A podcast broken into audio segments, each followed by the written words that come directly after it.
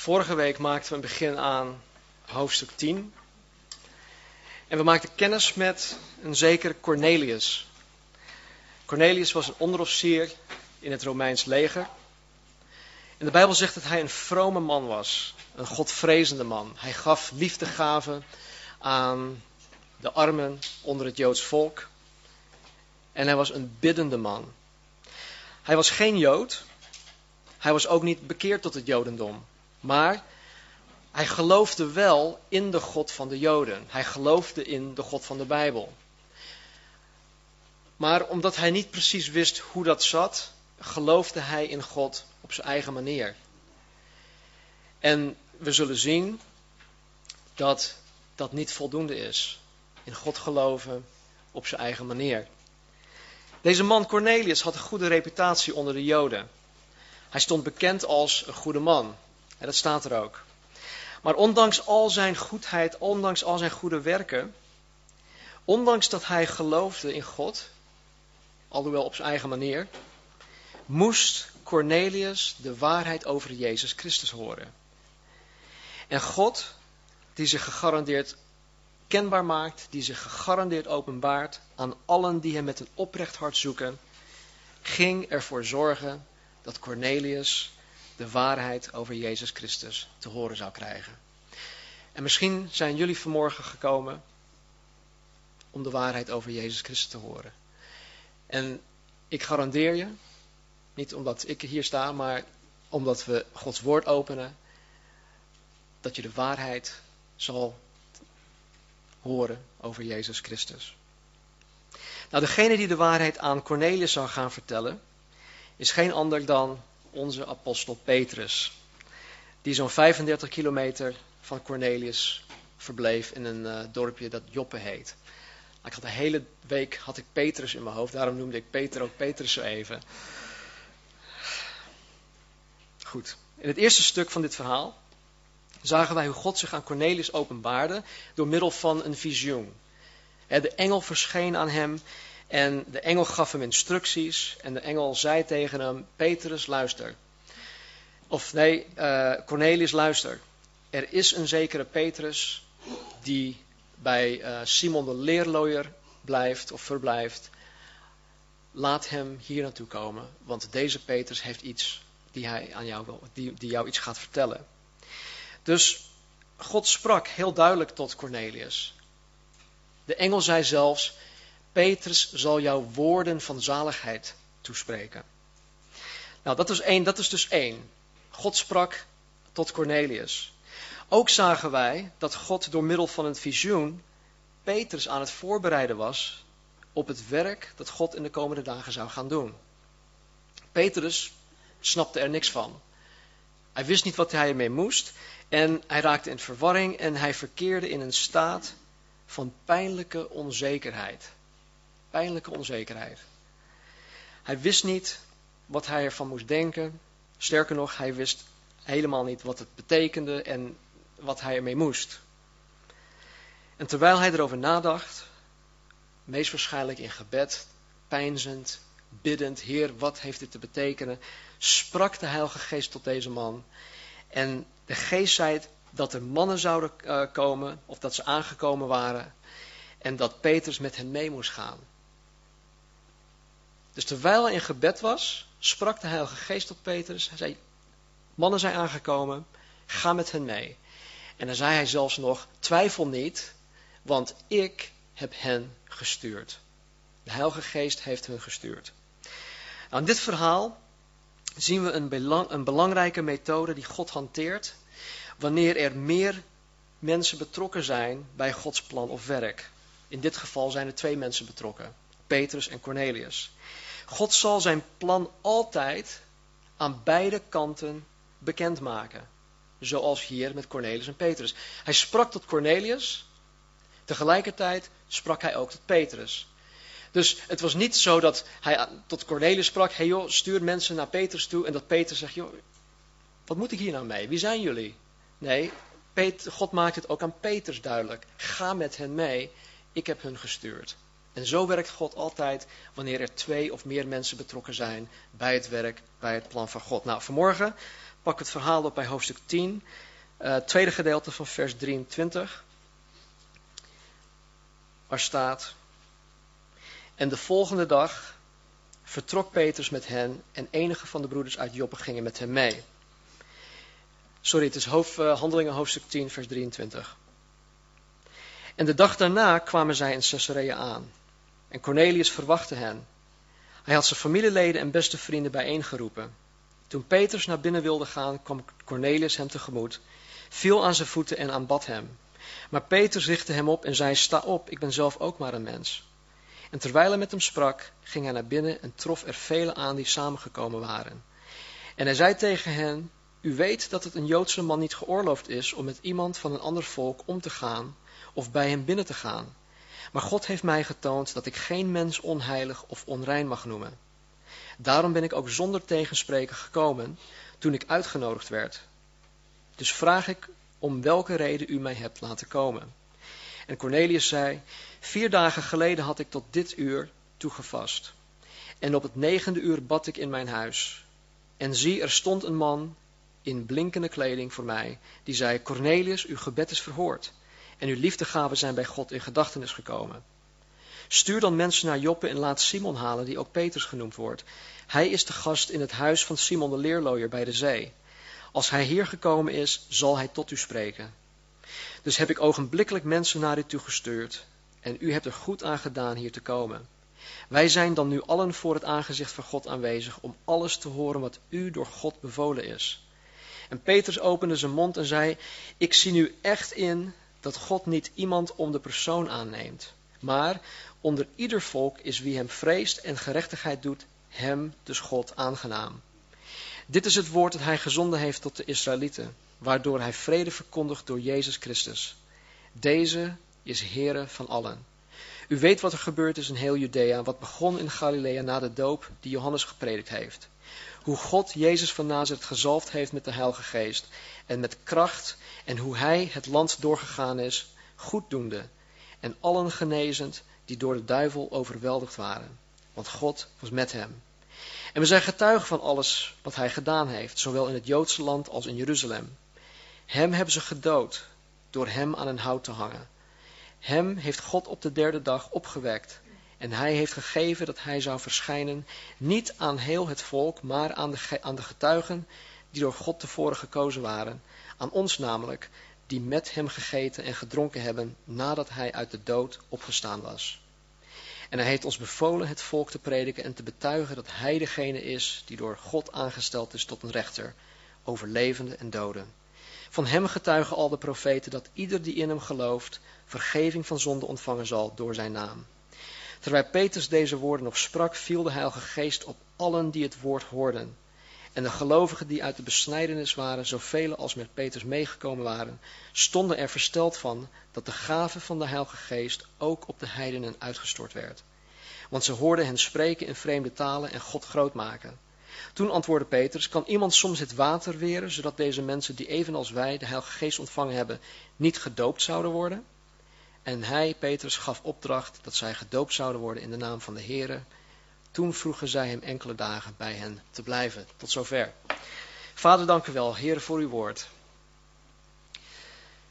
Heer, tenzij u ons verstand opent, tenzij u ons hart opent, Heer, zijn dit alleen maar woorden. Dus Heer, we bidden u, door uw Heilige Geest, open ons verstand, open onze harten, geef ons oren te horen wat u ons te vertellen heeft. Dank u wel. Amen. Het is een heel stuk. Um, vorige week hadden we de eerste 23 versen. Nou, dat is ongeveer de helft. En ik worstelde van de week mee, want er zit heel veel in. In dit gedeelte, we, we kunnen er wekenlang over praten. Maar wat ik, wat ik besloten heb, is om een aantal dingen te belichten en vervolgens de rode draad eruit te pakken en hopelijk dat dat van toepassing is op een ieder van ons. Maar goed, gaandeweg zullen we ook, ja, dat noemen we nuggets. Uh, wat zijn nuggets? Uh, goud nuggets, gold nuggets. Goudklompjes, ja, eruit halen. Um, die erin zitten. Dus wat Peter ook uh, tijdens, of net voor zijn preek zei, dat wij nieuwe schatten en oude schatten uit het woord zullen gaan halen. En laten we dat vandaag ook doen. Nou, in vers 23b. En de volgende dag vertrok Petrus met hen en enige van de broeders uit Joppe gingen met hem mee. De dag daarna kwamen zij in Caesarea aan en Cornelius verwachtte hen. Hij had zijn familieleden en beste vrienden bijeengeroepen. Toen Petrus naar binnen wilde gaan, kwam Cornelius hem tegemoet, viel aan zijn voeten en aanbad hem. Ik kan me goed voorstellen dat Cornelius de afgelopen nachten heel slecht geslapen heeft. Stel je voor, hij is aan het bidden, een engel verschijnt. En trouwens, bling bling is niet nieuws, hè? Er staat hier dat, hij een, dat er iemand verscheen in blinkend gewaad. Nou, bling bling is bijbels. Nee hoor, nee, sorry. maar er is niets nieuws onder de zon. Nee.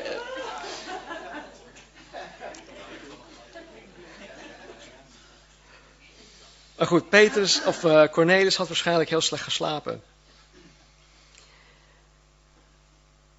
Ik denk dat Cornelius de komst van Petrus nog spannender zou gevonden hebben dan een kind die Sinterklaas verwacht. Nou, jullie die kinderen hebben, of jullie die nog kind zijn in hart, weten hoe spannend het is om Sinterklaas te verwachten. En zie ginds, komt de stoomboot. Nou, met rijkhalzend verwachting eh, verwachtte Cornelius gewoon naar de komst van En ik denk dat hij elke dag uitkeek van, joh, waar komen ze nog? Komen ze aan? En ja, misschien had hij helemaal niet geslapen. God nam het initiatief om deze ontmoeting plaats te laten vinden. En Cornelius wist zeker dat er heel, of, ja, heel iets bijzonders zou gaan gebeuren. Dus wat doet Cornelius? Cornelius nodigt zijn familieleden uit en hij nodigt al zijn beste vrienden uit. Nou, omdat Cornelius zo onder de indruk was van de verschijning van de engel, had hij moeten denken dat Petrus heel wat was. want de engel die zegt, joh, roep Petrus. Hij zal jou woorden van zaligheid vertellen. Hij dacht waarschijnlijk, nou Petrus, dat is een heilig man, misschien wel een superchristen. Er zijn kringen die hem ook op zo'n manier geheiligd hebben. Maar Petrus, die is heel nuchter daarin en hij is ook heel nederig daarin. En we zullen zien hoe hij daarop reactie geeft. Maar goed, deze man, die ziet Petrus en op dat moment viel hij voor Petrus neer en hij begon hem te eren, hij begon hem te hulden. Vers 26, maar Petrus richtte hem op en zei, sta op, ik ben zelf ook maar een mens. De reactie en de woorden van Petrus zijn voor ons van groot belang. Het is mens eigen om onder andere mensen te idoliseren. En wie, wie van ons heeft geen idool? Voordat ik tot bekering kwam, had ik ook mijn idolen. Het waren topsporters, het waren profmuzikanten. Uh, het waren vooral de jonge rijke, succesvolle gasten in vette BMW's of een Porsche of noem maar op. Nou, dat waren mijn idolen. Ik, ik idoliseerde die, die, die, die, gasten. Ik wilde zijn zoals zij waren. En op elk gebied waar ik, in, ja, waar ik interesse had, had ik wel mijn idool. En toen ik pas tot bekering kwam, had ik mijn idolen binnen de christelijke wereld. Ik wilde zo graag zijn zoals die pastor of als die bijbelleraar of als die worship leader. Oh, ik wil zo graag zijn zoals hen. Dus ook daarin had ik mijn idolen. Ik keek tegen bepaalde mensen op. Nu niet meer. Maar ik ben al een poosje verder. Maar hoe geweldig ik ook een mens kan vinden, hoeveel ik tegen zo'n mens kan opkijken hij is en blijft een feilbaar, onvolmaakt, zondig mens van vlees en bloed. Het gevaar van idoliseren van mensen is dat je jezelf vatbaar stelt voor teleurstelling. Want mensen stellen teleur. In de eind jaren 80, begin jaren 90 was er in de States een, uh, een heel bekend christelijk tv-programma. En volgens mij komen ze nog steeds op tv alleen met andere mensen. En er was een zekere eh, Jim Baker. Jim Bakker. Maar hij noemde zichzelf Baker. En nou, in, in de States was hij zeer populair. En ook bij mensen die ik kende was hij zeer populair. En het waren mensen die, ja, die niet echt gegrond waren in Gods woord. Het woord van Christus leefde niet rijkelijk in hun. Ze hadden niet echt een, een hechte relatie met de Heer. En eh, ze keken op tegen deze man. Wauw, Jim Baker, Jim Baker. Die man is uiteindelijk gevallen. Hij is in de fout gegaan. Hij, is, hij heeft overspel gepleegd. En zijn publiek, of een groot deel van zijn publiek, is daardoor er onderuit gegaan. Nou, ik weet nog dat ik een gesprek had met iemand en die was zo kapot van het feit dat een godsman zoals Jim Baker uh, de fout in kon gaan. En, eh, op zo'n radicale manier. En zijn geloof was daardoor zelf um, uh, heel wankel geraakt. Hij was boos op God. Hoe kan dat nou? En hoe kan je dit toelaten? En, nou, noem maar op. Het, deze man was zeer teleurgesteld in Jim Baker. Hij werd daardoor ook zeer teleurgesteld in God. Dus wij horen onze ogen niet op mensen te richten. Want mensen stellen teleur. Wij horen God alleen op deze manier te vereren. Want God stelt ons nooit teleur. Ah goed, Petrus, die zichzelf inmiddels heel goed kent, heeft geen hoge dunk van zichzelf. En wat zegt hij? Hij zegt, ik ben zelf ook maar mens. En dat is een goede houding. Een houding die wij ook horen aan te nemen. Maar een houding die wij ook moeten toepassen naar andere mensen toe. Als, wij, als we iemand idoliseren van, wauw. Nee, hij of zij is ook maar een mens. Stel je voor dat Billy Graham nu de zaal binnen zou komen. Nou, wauw, Billy Graham. Maar dan zou hij ook zeggen van nee, jongens, niet wauw Billy Graham, wauw Jezus. Het gaat niet om hem. Vers 27. En terwijl hij met hem sprak, ging hij naar binnen en trof er velen aan die samengekomen waren.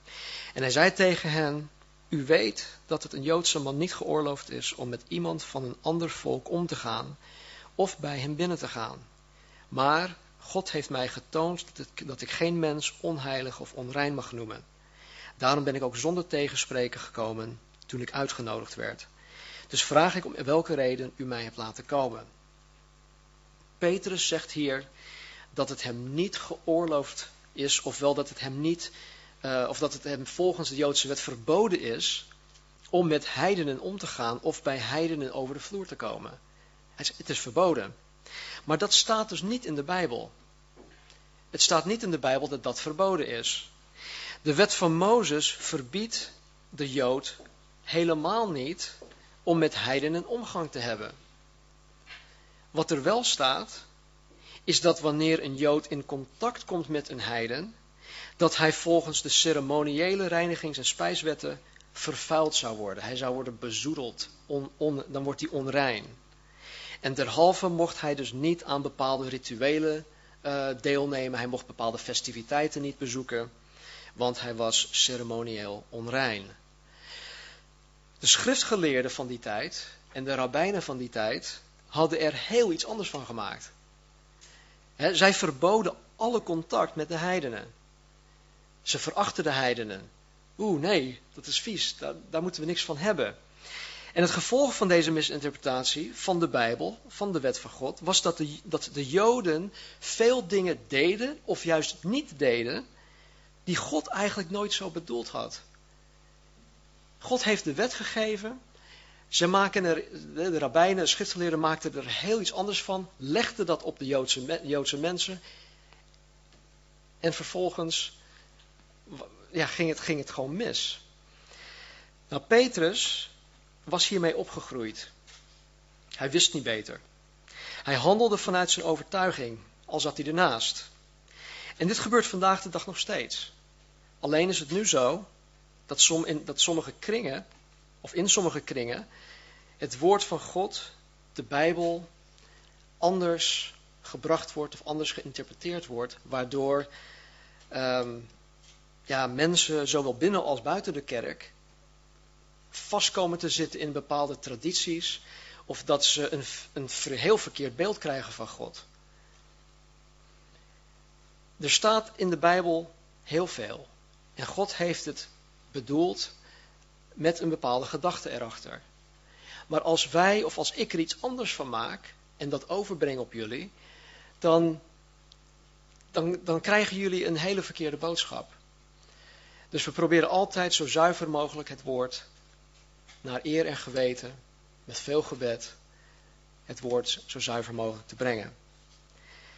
Nou, Petrus had blijkbaar een verkeerd beeld van God. Hij was zijn hele leven gebonden aan tradities. Want deze tradities werden door de Joodse rabbijnen opgelegd. Maar, zoals we vorige week ook zagen, God was bezig met Petrus.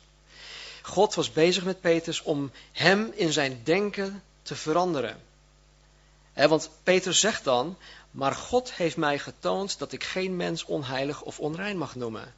Daarom ben ik ook zonder tegenspreken gekomen toen ik uitgenodigd werd. God is met Petrus bezig. Nou, Petrus begrijpt op dit moment het visioen. De pijnlijke onzekerheid die Petrus ervaren had nadat hij het visioen kreeg, begint nu te veranderen in een stukje duidelijkheid. Hij, hij, hij, hij, hij beseft, hij begint te vatten wat, die, wat het visioen betekent. Wat God ermee bedoelde. En hij zegt zelf, God heeft mij getoond dat ik geen mens onheilig of onrein mag noemen. Het ging helemaal niet om die dieren die hij in het visioen zag. Het ging om mensen. Nou, vers, 3, uh, vers 30. En Cornelius zei, vier dagen geleden had ik tot dit uur toegevast. En op het negende uur bad ik in mijn huis. En zie, er stond een man in blinkende kleding voor mij. Die zei, Cornelius, uw gebed is verhoord. En uw liefdegaven zijn bij God in gedachtenis gekomen. Stuur dan mensen naar Joppe en laat Simon halen, die ook Petrus genoemd wordt. Deze is de gast in het huis van Simon de leerlooier bij de zee. Als hij hier gekomen is, zal hij tot u spreken. Dus heb ik ogenblikkelijk mensen naar u toegestuurd en u hebt er goed aan gedaan hier te komen. Wij zijn dan nu allen voor het aangezicht van God aanwezig om alles te horen wat u door God bevolen is. Tot zover. In vers 31 zegt Cornelius dat de engel tegen hem zei dat, uh, dat zijn gebed verhoord is. Zijn gebed is verhoord. Nou, Lucas, de schrijver van Handelingen, die heeft voor ons niet vastgelegd wat dat gebed inhield. Maar ik durf te zeggen dat Cornelius tot God gebeden had over Jezus. Cornelius had ongetwijfeld gehoord over Jezus, iets, iets over Jezus gehoord. En zoals mensen dat vaak doen, nu ook, wanneer ze iets over Jezus horen, of door ons, of misschien ergens anders, gaan zij vaak naar God toe. Misschien weten ze niet per se dat ze naar God toe gaan, maar ze, ze stellen die vragen wel. Wie is die Jezus dan? Misschien doen ze dat in hun gedachten, misschien s'nachts of s'avonds als ze, als ze in bed liggen en ze zitten te pijnzen en de Heilige Geest gebruikt de woorden die wij tot hen had gesproken en, ze, en het maalt maar door. En dan roepen ze uit in hun gedachten, wie is die Jezus nou eigenlijk? En ongetwijfeld was Cornelius ook daarmee bezig. Ik heb over hem gehoord. Ik, wie is dat dan? Is het wel waar wat over hem gezegd wordt? God maakt zich kenbaar wanneer we dat vragen. Nou, in vers 33 zien wij dat Cornelius er voorkomen van bewust was dat God in hun midden is omdat hij weet dat God deze ontmoeting tot stand gebracht he, uh, heeft, weet hij ook dat God op een bijzondere manier aanwezig is en dat hij ook op een bijzondere manier aan het werk zal gaan. Ook weet hij zeker dat de woorden die Petrus zal spreken Gods woorden zijn. En Lucas laat ons niet weten uh, of Petrus iets specifieks bevolen werd door God. Maar Petrus had tien jaar daarvoor wel de grote opdracht van Jezus gekregen. Ook had uh, Petrus tien jaar daarvoor de belofte gekregen dat hij getuige zal zijn. En dat hij getuige zal zijn in Jeruzalem, Judea, Samaria en tot de uiterste hoeken van de wereld. En ze hadden moeten begrijpen dat dat ook de heidenen omvatte. Dus niet alleen de Joden. Maar dat kwartje viel nog niet bij Petrus. Het viel bij velen nog niet. En we hoeven hem daar niet voor kwalijk te nemen, want hoe vaak probeert God ons iets duidelijk te maken. En dat kwartje blijft maar niet vallen. En hij probeert het telkens en hij doet het steeds. En hij doet het zo geduldig en op een liefdevolle manier. En hij blijft volharden totdat wij het snappen, totdat wij het vatten.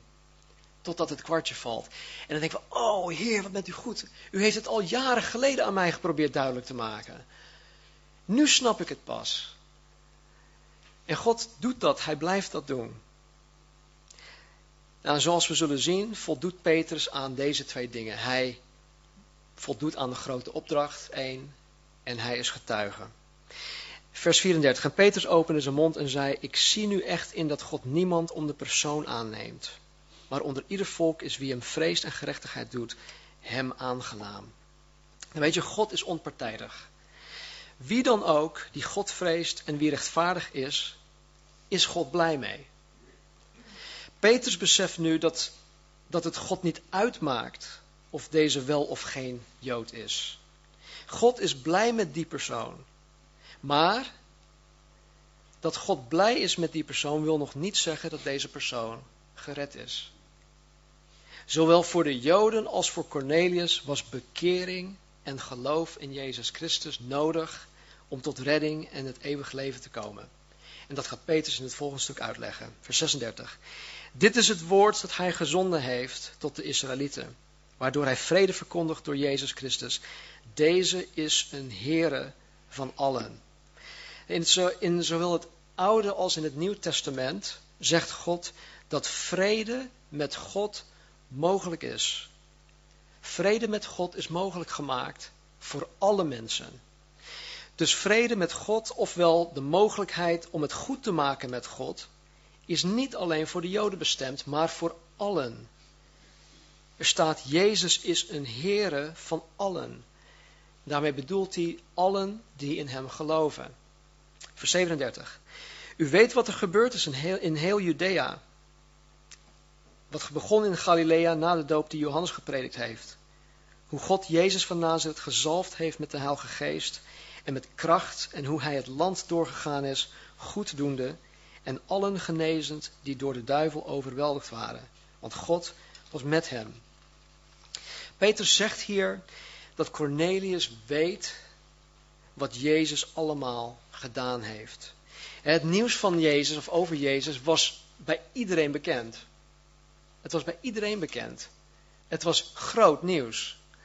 En dat ondanks dat er geen satelliet-tv was, er was geen eh, CNN, er was geen... De techniek was er niet. En maar toch wist iedereen wat Jezus allemaal gedaan had. Hij zegt dat Jezus al deze dingen had kunnen doen omdat God met hem was. Dat lijkt vanzelfsprekend. Dat lijkt misschien zelfs overbodig. Maar er waren mensen bij die niet in Jezus geloofden, die zeiden dat Jezus deze wonderen verrichtte door de kracht van Satan. Beelzebub, door de kracht van, van demonen. Ze zeiden zelfs dat Jezus bezeten was. Dus Lucas voegt dat toe. Hij deed dit omdat God met hem was. Vers 39. En wij zijn, en wij zijn getuigen van alles wat hij gedaan heeft, zowel in het Joodse land als in Jeruzalem. Hem hebben ze gedood door hem aan een hout te hangen. Deze heeft God op de derde dag opgewekt en hij heeft gegeven dat hij zou verschijnen, niet aan heel het volk, maar aan de getuigen die door God tevoren gekozen waren, nadat hij uit de doden opgestaan was. Waarom heeft Jezus zich na zijn opstanding niet aan heel het volk getoond? Waarom alleen aan de getuigen die door God van tevoren gekozen waren? Ik zou juist denken dat hij zich vooral aan degene die hem gekruisigd hadden zou moeten laten zien. Maar Jezus had zich dus niet aan deze mensen getoond, alleen aan degene die hem wilden kennen. Hij kende hun hart. En hij wilde zich niet blootstellen aan degenen die, ja, wiens hart niet naar hem uitging. In de evangelie staat er iets moois. Uh, laten we onze Bijbels openslaan naar Matthäus. Matthäus hoofdstuk 13.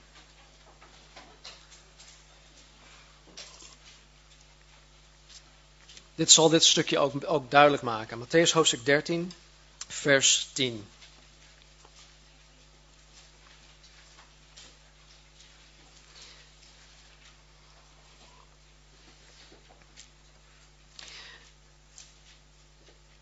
Jullie weten uit de evangelie dat Jezus op een gegeven moment overgaat op parabels hè, of op uh, gelijkenissen.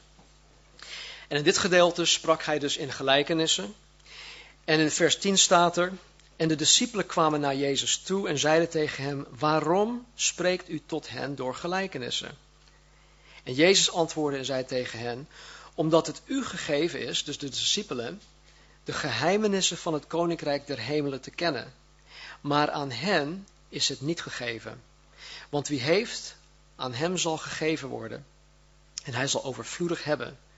Maar wie niet heeft, van hem zal afgenomen worden, zelfs wat hij heeft. Daarom spreek ik tot hen door gelijkenissen, omdat zij niet zien, ook al zien zij, en niet horen, ook al horen zij en ook niet begrijpen. En in hen wordt de profetie van Jesaja vervuld die zegt, met het gehoor zult u horen, maar beslist niet begrijpen. En ziende zult u zien, maar beslist niet opmerken. Want het hart van dit volk is vet, of het is niet ontvankelijk geworden. En ze hebben met de oren slecht gehoord. En hun ogen hebben zij dicht gedaan, opdat zij niet op enig moment met de ogen zouden zien, en met de oren horen, en met het hart begrijpen, en zij zich bekeren, en ik hen zou genezen.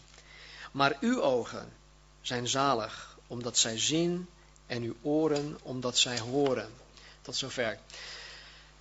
Waar dit verhaal, even heel beknopt, waar het op neerkomt, is dat er mensen waren, ook na de opstanding van Jezus, die niet in Jezus wilden geloven. Ze wilden het niet. Hun hart was niet oprecht. Hun hart ging niet uit naar God. Hun hart was niet ontvankelijk voor God. Deze mensen hadden reeds hun keus gemaakt. En daardoor verscheen Jezus alleen aan degenen die, ja, wiens harten naar hem uitgingen. En ook vandaag de dag, anno 2007, zijn er mensen die simpelweg niet willen geloven. We komen ze dagelijks tegen. Ze willen niet geloven, ze hebben hun hart afgesloten voor God en zijn vastberaden om niet in God te willen geloven. Het is een keus, het is een wil. En omdat zij niet willen geloven, zullen ook zij de waarheid van het evangelie niet kunnen vatten. Waarheden die voor ons ja, heel eenvoudig zijn, heel simpelijk te vatten zijn. Waarheden die kinderen zelfs kunnen vatten. Die zijn voor hun absoluut niet te begrijpen. Maar dat stelt ons dus niet vrij van onze plicht om het evangelie te blijven delen met mensen. Wij hebben de grote opdracht gekregen om mensen het evangelie te verkondigen, om hun te onderwijzen. Wat zij ermee doen, is hun zaak. Het is tussen hun en God. Onze plicht, onze taak is om het te blijven doen. Vers 42 van Handelingen, hoofdstuk 10. En hij, God, heeft ons bevolen het volk te prediken en te betuigen dat hij degene is die door God aangesteld is tot een rechter over levenden en doden. Tegenwoordig wordt Jezus in diverse kringen onvolledig afgeschilderd of onvolledig afgebeeld. Je krijgt Jezus maar van een paar kanten te zien. En veelal wordt Jezus afgeschilderd als iemand die je beste vriend wil zijn. Eh, als iemand die al je problemen kan oplossen. Dat is wel zo. Dat is zeker zo. Jezus wil mijn beste vriend zijn. Hij wil mijn problemen oplossen. Niet zozeer dat hij mijn problemen wegneemt, maar hij wil met mij, samen met mij, door de problemen heen komen en samen tot die oplossing te komen. Maar hier zegt Petrus dat Jezus Christus degene is die als rechter zal optreden over de levenden en de doden. Dat is wat. Is een hele andere kant van Jezus.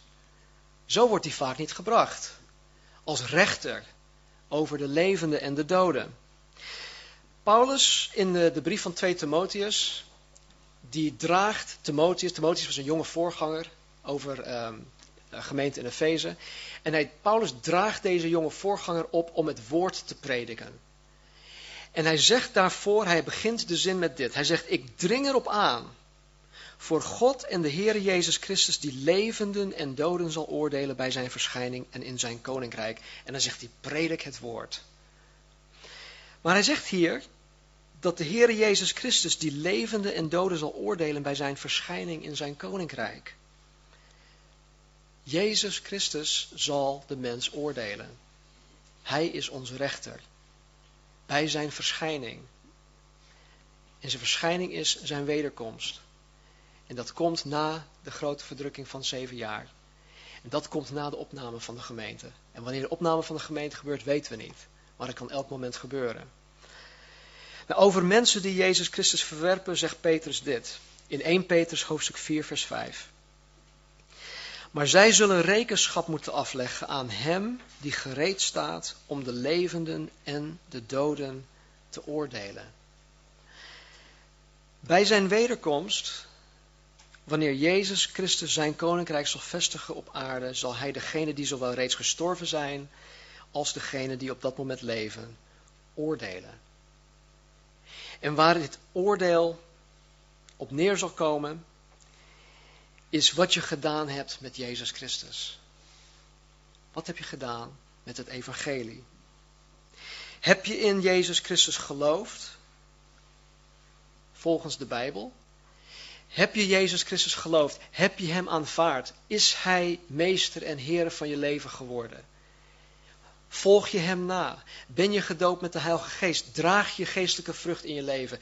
Is het te zien aan, door anderen dat je een volgeling van Jezus Christus bent? Daar zal het uiteindelijk op neerkomen. Ben je een christen? Ben je in Hem gaan geloven? Of heb je Hem verworpen? En zoals we zien in het geval van, eh, zoals we zien in het geval van Cornelius, is het geloven in God op je eigen manier niet voldoende. Ik spreek vaak mensen toe, of ik spreek met mensen. Dan zeggen ze, ja, joh, het evangelie, nee, het God, de Bijbel is veel te nauw. Ik, ik geloof wel in God hoor, neem het van me aan. Ik geloof zeker in God, maar ik doe het op mijn eigen manier. Fout. Heel fout. Nou, als jij dit bent vanmorgen, dan zal je bij dit oordeel door de mand vallen. Je komt er niet doorheen.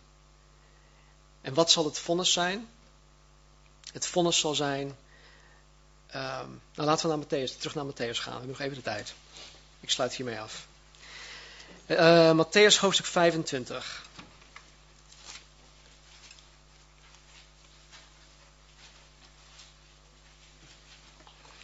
Matthäus hoofdstuk 25, 25, we beginnen bij vers 31. Matthäus 25, vers 31. Er staat, of Jezus spreekt hier, wanneer de zoon des mensen komen zal in zijn heerlijkheid, dus bij zijn wederkomst. Wanneer de zoon des mensen komen zal in zijn heerlijkheid en al de heilige engelen met hem, dan zal hij zitten op de troon van zijn heerlijkheid. En voor hem zullen al de volken bijeengebracht worden. En hij zal ze van elkaar scheiden, zoals de herder de schapen van de bokken scheidt. En hij zal de schapen aan zijn rechterhand zetten, maar de bokken aan zijn linkerhand. Dan zal de koning zeggen tegen hem, tegen hen die aan zijn rechterhand zijn, kom, gezegende van mijn vader, beërf het koninkrijk dat voor u bestemd is vanaf de grondlegging van de wereld.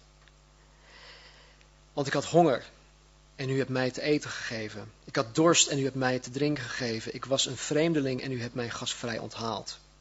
Ik was naakt en u hebt mij gekleed. Ik ben ziek geweest en u hebt mij bezocht. Ik was in de gevangenis en u bent bij mij gekomen.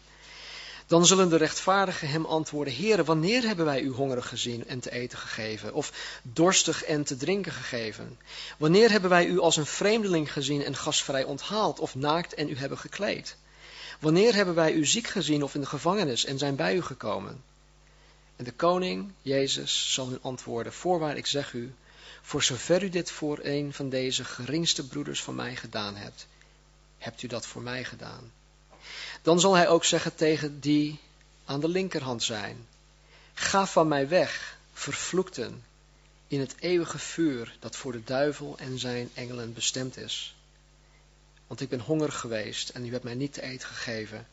Ik ben dorstig geweest en u hebt mij niet te drinken gegeven. Ik was een vreemdeling en u hebt mij niet gastvrij onthaald. Naakt en u hebt mij niet gekleed, ziek en in de gevangenis en u hebt mij niet bezocht. Dan zullen ook deze hem antwoorden, Heer, wanneer hebben wij u hongerig gezien of dorstig of als een vreemdeling of naakt of ziek in de gevangenis en hebben u niet gediend? Dan zal hij hun antwoorden, voorwaar ik zeg u, voor zover u dit voor een een van deze geringste niet gedaan hebt, hebt u het ook niet voor mij gedaan. En deze zullen gaan in de eeuwige pijn, maar de rechtvaardigen in het eeuwige leven. Dit is heftig, mensen. Dit is heel heftig. En het is menens. Natuurlijk is God liefde en we moeten die kant van Jezus Christus laten zien. Maar zijn liefde betekent niets als er ook rechtvaardigheid is en als er oordeel is. En daarom beveelt de Bijbel ons om te betuigen dat dit eraan zit te komen. En dat betuigen betekent uh, ja, dat we het nadrukkelijk, aandringend, ernstig waarschuwend aan mensen vertellen. Zodat men niet veroordeeld zal worden. Dit behoort tot het evangelie. Dit is het evangelie. Vers 43 van hoofdstuk 10. Van hem, van Jezus, getuigen al de profeten die ieder die in hem gelooft, vergeving van zonde zouden ontvangen, zal door zijn naam. Nou, hier hebben wij de woorden van zaligheid de woorden van zaligheid. Door te geloven in Jezus Christus, zoals het ons in de Bijbel geleerd wordt, zullen wij vergeving van zonde ontvangen. Dit maakt het goed tussen ons en God. Dit maakt het dat wij schapen zijn en geen bokken. Dit maakt het dat wij aan de rechterkant, de rechterhand van Jezus zijn en niet aan de linkerhand. Dit zal ons vrijspreken op de dag wanneer Jezus Christus de levende en de doden zal oordelen. De grootste nood van de mens is om van Jezus Christus vergeving te ontvangen. De grootste nood van de mens is om van Jezus vergeving te ontvangen. Want dit maakt alles goed tussen de mens en God. Vers 44. Terwijl Petrus deze woorden nog sprak, viel de Heilige Geest op allen die het woord hoorden. Degenen die het woord van God hoorden, werden gedoopt of vervuld met de Heilige Geest, hoe je het ook maar noemen wil. Ik denk dat de harten van deze mensen reeds voorbereid waren. dat ze open stonden voor God. Ze verwachten dat God tot hun zou spreken. En dat deze die het woord van God hoorden, ontvingen op dat moment ook vergeving van zonde. Op dat moment werden ze uh, getransformeerd van een bok tot een schaap. Ze werden wedergeboren. Het was goed tussen hun en God. Nou, er staat niet, en dit is belangrijk, er staat niet dat de Heilige Geest op alle aanwezigen viel. Maar op allen die het woord hoorden. Zoals we in Matthäus 10 lazen, zei Jezus dat horen en horen twee is. En je kunt het vermogen hebben om geluiden te horen, om geluiden te, waar te nemen, te kunnen onderscheiden, zoals wij dat vanmorgen ook doen. Ik denk dat geen van ons doof zijn vanmorgen, dus we kunnen spraak, we kunnen geluiden onderscheiden. Maar alhoewel wij met het gehoor spraak, geluiden en dingen kunnen onderscheiden, kunnen waarnemen, wil dat nog, wil dat nog niet zeggen dat wij God horen. Het horen waarover Lucas hier schrijft, betekent dat, dat men het begrijpt dat men het vat, dat men weet wat hij ermee moet doen. Dat men weet dat, dat, dat hij daarmee aan de slag moet. En dit soort horen doen wij met ons hart. Dit soort horen doen we met het hart. En zo hebben deze horenden blijkbaar op dit moment reeds hun hart al overgegeven aan de Heer. Vers 45. En de gelovigen die uit de besnijdenis waren, dus de Joden die met Petrus meegekomen waren, stonden er versteld van dat de gave van de Heilige Geest ook op de heidenen uitgestort werd, want zij hoorden hen spreken in vreemde talen en God groot maken. Toen antwoordde Petrus, kan iemand soms het water weren, zodat deze mensen die evenals, als, die evenals wij de Heilige Geest ontvangen hebben, niet gedoopt zouden worden? En hij gaf opdracht dat zij gedoopt zouden worden in de naam van de Heer. Toen vroegen zij hem enkele dagen bij hem te blijven. Wauw. Wat je allemaal niet mee kan maken wanneer je met God optrekt. Wat je allemaal niet mee kan maken wanneer je jezelf helemaal overgeeft aan Jezus Christus. In het begin van dit verhaal zien we dat Petrus in een staat van verwarring verkeerde. Hij was in een staat van pijnlijke onzekerheid. Dit overkwam hem omdat God met hem bezig was. Dat klinkt raar, maar God was met Petrus bezig. En toch verkeerde hij in een staat van pijnlijke onzekerheid. Maar God was bezig om zijn plan, om zijn werkwijze aan Petrus bekend te maken. En zoals gebruikelijk deed God dit stapsgewijs. En wij zien in dit verhaal hoe God op zijn liefdevolle manier, God uh, Peters dingen beetje bij beetje duidelijk ging maken. En de climax in dit verhaal, eh, dat had Peters nooit zelf kunnen verzinnen. Dat ging, dat, nee, dat ging zijn verstand te boven. Had hij nooit zelf kunnen verzinnen. En dat God niet alleen de Joden, maar zelfs in zijn ogen, eh, die vieze, vuile heidenen, dat God zelfs de Heilige Geest op hun kon uitstorten. Dat zelfs zij gedoopt zouden kunnen worden met de Heilige Geest. En dat zijn ook wij, hè? wij zijn ook heidenen. Dat dat mogelijk was. Dat ook Jezus voor hun gestorven was. Petrus had nooit gedacht, dat had hij ook echt nooit gedacht, dat God de Heilige Geest aan de heidenen zou geven. Dus wat bij Petrus begon, als pijnlijke onzekerheid eindigt hier in gigantische vreugde. Gigantische vreugde. En de uitkomst was vele malen beter dan Petrus ooit had kunnen veronderstellen. En het is met ons ook zo hoor. Als wij momenteel ons, als we ons bevinden in een situatie waarvan we weten, hey, God is met mij bezig, maar oh, wat ben ik, ik weet niet wat ik hiermee moet. Uh, ik ben misschien in verwarring. Uh, ik, zit in pijnlijke onzekerheid. Mijn hele leven is ondersteboven gegooid. Het is als het ware, ik weet niet, toen ik klein was, toen, uh, ik was heel klein toen ik klein was. Maar veel kleiner dan mijn leeftijdsgenoten. En ja, dan pakten ze bij mijn enkels op en ze schudden alle dingen uit mijn, mijn broekzakken. Soms voelt het ook zo, hè, als God met ons bezig is alsof hij ons bij de enkels beetpakt en flink opschudt. Dat is helemaal niet zo hoor, maar soms voelt het wel zo. En wanneer ons dat overkomt, weet zeker dat God met ons bezig is. God is met jou bezig. En de uitkomst die hij zal geven, zal miljoenen malen beter zijn dan je ooit zou hebben kunnen bedenken of beseffen. Tot slot zegt Paulus in, in uh, een van de Korinthebrieven, sorry Carla, uh, dat de, de dingen, even in mijn eigen losse vertaling, dat de moeilijkheden, de, de opschudding in ons leven, eh, al die, die de dingen die wij als ellendig ervaren, dat dat niet opweegt tegen de glorie die, die ons te wachten staat. En Paulus weet uit ervaring wat ons te wachten staat.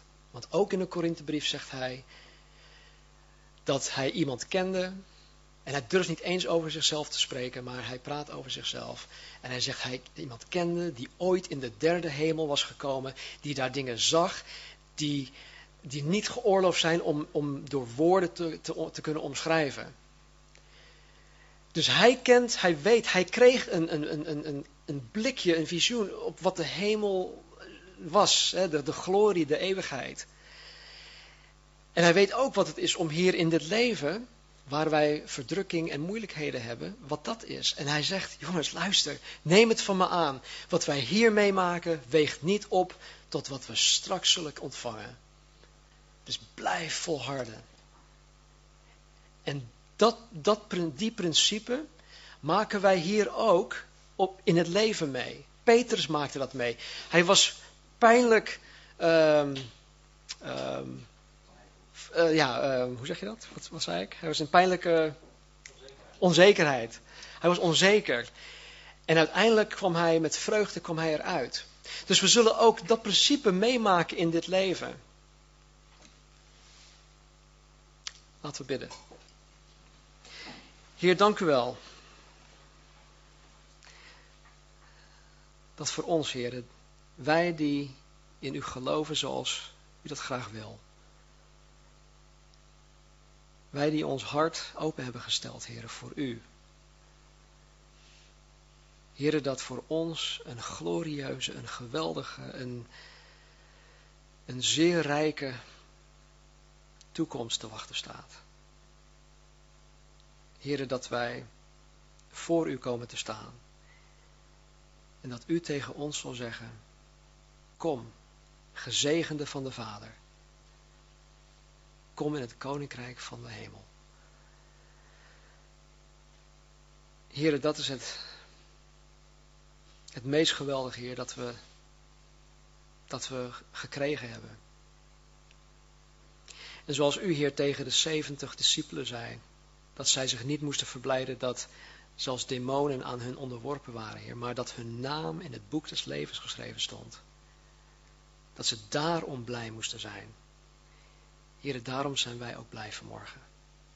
Dank u wel, Vader, dat u ons geroepen heeft, dat u ons bij sommigen zelfs bij, de kraag gegrepen heeft. Heer, om, om ons, ja, misschien zoals C.S. Lewis dat ook zegt, schoppend en schreeuwend het koninkrijk in te trekken. Maar Heer, het is zo gaaf, het is zo mooi dat wij uw kinderen mogen zijn. En misschien is er iemand vandaag, of misschien meerdere mensen die u nog niet kennen, Heer, die iets van Jezus Christus hebben gehoord. Het zij hier, het zij buiten de gemeente. En heren die op dit moment gewoon openstaan, hun hart geopend hebben voor u en die zeggen, ik wil Jezus leren kennen. Nou, dat kan. Je hoeft je alleen maar over te geven aan die Heer. Te zeggen, Heer Jezus, ik geloof in u. Ik geloof dat u voor mijn zonde gestorven bent aan het kruis. Ik ben een zondaar. Ik bekeer me nu van mijn zonde. Ik wil een kind van God zijn. Ik wil het met u goed maken, Heer. Ik wil vergeving van mijn zonde ontvangen. En heren, doe dat. Doe dat in ieder van ons. Doe dat in degene die dat specifiek tot u uitgesproken hebben. En vervul ons, heren, met uw geest. Opdat we getuigen mogen zijn. Het zout en het licht der aarde. Dank u wel. In Jezus' naam. Amen. Amen.